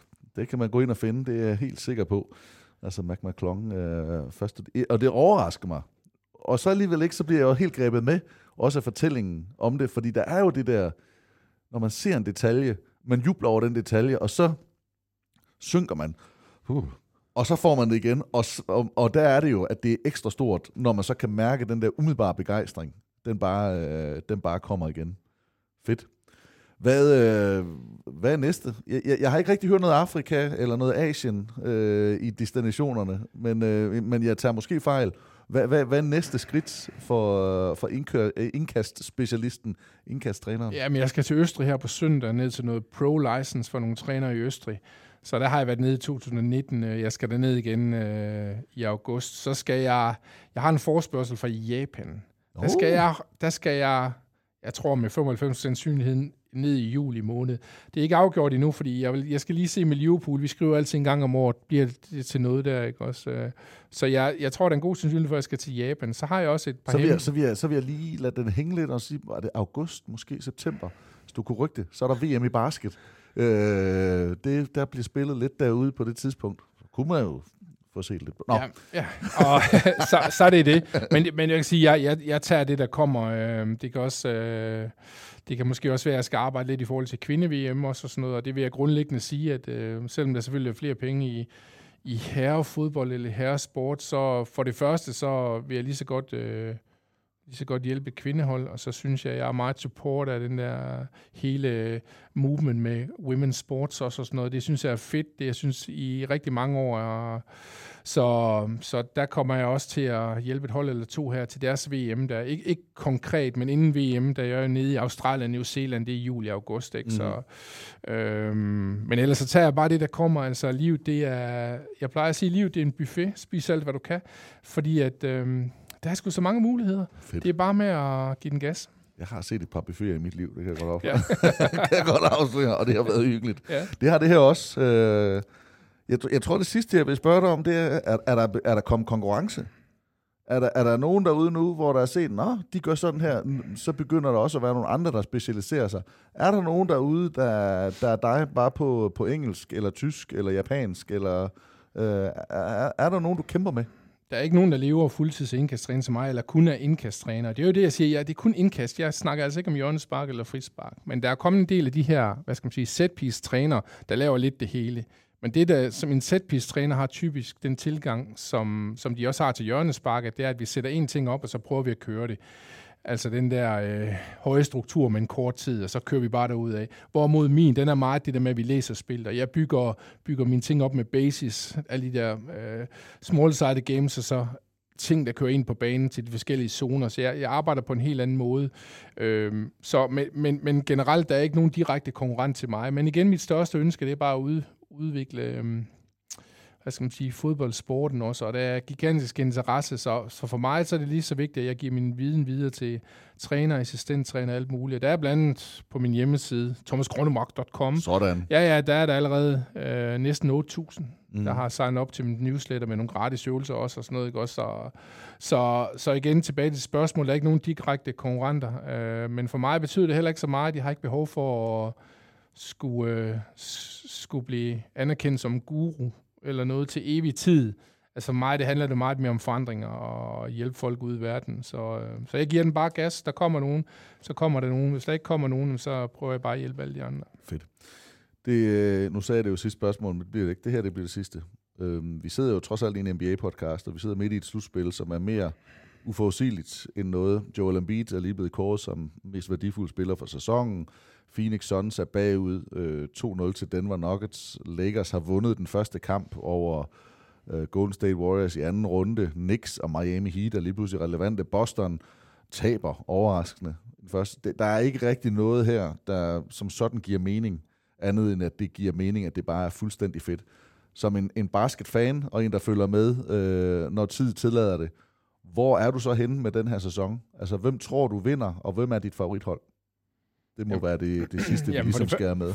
For det første, så mener jeg ikke, man kan forudsige noget som helst. Altså, en ting er, jeg kan tro, men, men min tro baserer sig ikke på noget som helst, fordi ja, der, der har ikke været nogen... Jo, måske lidt i grundspil, ikke? Også som tænker, okay, nu, øh, boks nu, nu er de begyndt at køre, ikke? og så tænker wow, okay, bliver det bare, trumler de alle nu her ja. i slutspillet, så ryger det så ud, jeg ved godt, der var skader lidt af hvert, men så jeg tror sådan set, at de alle hold, der kan spille.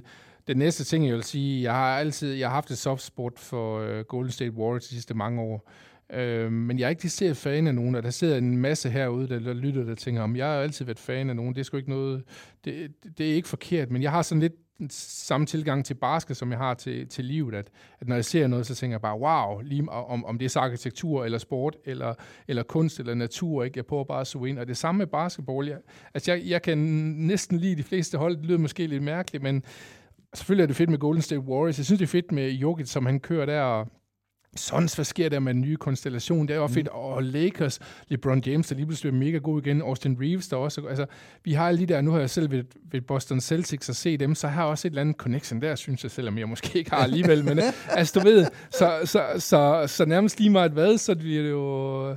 Så bliver det fantastisk, ikke? Så, så jeg håber bare, vi får... Øhm, altså, eneste næsten håber, det er, at kan vi lige stoppe lidt med de der de der skader, der så kan ødelægge ja. det serie. Det er sådan set den eneste ting, jeg håber på, fordi det, der vi, synes jeg, første runde af slutspil var vi lidt uheldige med folk, der har været ude, ja, enten helt eller, eller delvis i serie, ikke? Men bortset fra det, så, så ønsker jeg mig bare en masse fede kampe, ikke også? Og ja, så jeg kommer til at nyde det. Og hvem står så på toppen? Fordi man må godt tro, og man må godt give et bud. Jamen, jeg tror, det er... Dit bud det, det, er lige så godt som det, alle andre. Det kan godt være være Jokic. Og, og, ja, det, det kunne godt være, fordi det er sådan, det, det, det, det jeg vil ikke sige, at de er usexede, det, det passer ikke, for det, er de, det, det er det ikke, men, men sådan lidt, du ved, de kører sådan lidt under radaren, ja. det, det er sådan lidt en maskine, der kører, selvom Jokic er fascinerende, og Murray derude, der ligger og kører rundt om ham, ja. og alle de, hvad de ellers har og sådan noget, så går det sådan lidt under radaren, fordi du ved, Golden State Warriors, de, alle, alle de der, wow, ikke ja, også? Jeg synes, ja, der er så mange fede spillere, Lakers, nogle af de gamle, og også yes. lidt nye. Altså alle de der, så jeg, jeg, jeg tror nok, at de kan godt gå lidt i gåsøjne under radaren, og så... Øhm, det er jeg meget enig i. Ja, så det kan jeg godt ind med dem, tror jeg. Ja, fedt. Og, og, og, og, og jeg er meget enig i, at de er usexede første kig. Men når man nørder og går ned, så bliver de nærmest et af de mest sexede på grund af Jokic og de der små, hvis vi er tilbage til grafen, om øh, lidt struktur, øh, lidt tid, men bare den, den geniale aflevering. Øh, og, øh, og det er sådan lidt, man forelsker sig i, hvis man ser øh, detaljerne. Ja, der er ikke helt så mange store stjerner på sidelinjen. Der er ikke helt så mange af de der kæmpe spil, fordi de bare får det til at se så let ud. Men det er jo så også det, der er skønheden i, øh, i detaljen, at det, der er mega svært, det bliver bare nemt. Thomas Grønmark, det var en, øh, en stor fornøjelse. Tak, fordi du tog dig tid til at gøre os klogere på det, men også bare på din, øh, din karriere. Øh, vanvittigt fascinerende og nogle øh, jamen, sindssygt CV. Jeg glæder mig meget til at se, hvad der bliver de næste punkter på, øh, på listen. Og hvis øh, der kommer noget med NBA på et tidspunkt, hvor du får lov at, dunke på nogle af spillerne, så må du, øh, så må du altså sige til. Så skal vi have den øh, snak op og køre igen. Jamen, jeg skal i hvert fald sørge for, at det bliver optaget øh, som minimum skjult, hvis det er, jeg, det sker. Altså, det, øh, så, øh, men igen, tak fordi jeg måtte komme. Det var en, øh, var en kæmpe fornøjelse. Så lidt. Og tak fordi I lyttede med i den her lidt øh, specielle omgang af en, øh, af en basketpodcast. Jeg håber, I, øh, I kunne lide det, og giver os endelig en, øh, en kommentar på det. Øh, det her, det var altså... Øh, en NBA-podcast med, øh, med fokus på, øh, på alt muligt andet, der rørt rundt om, men en, der har været inde og snuse til, øh, til verdens bedste basketballliga, men så altså også har, har haft sin gang på alverdens græsbaner rundt omkring i, i verden. Endnu en gang tak, fordi I lyttede med, og på hjertelig genhør.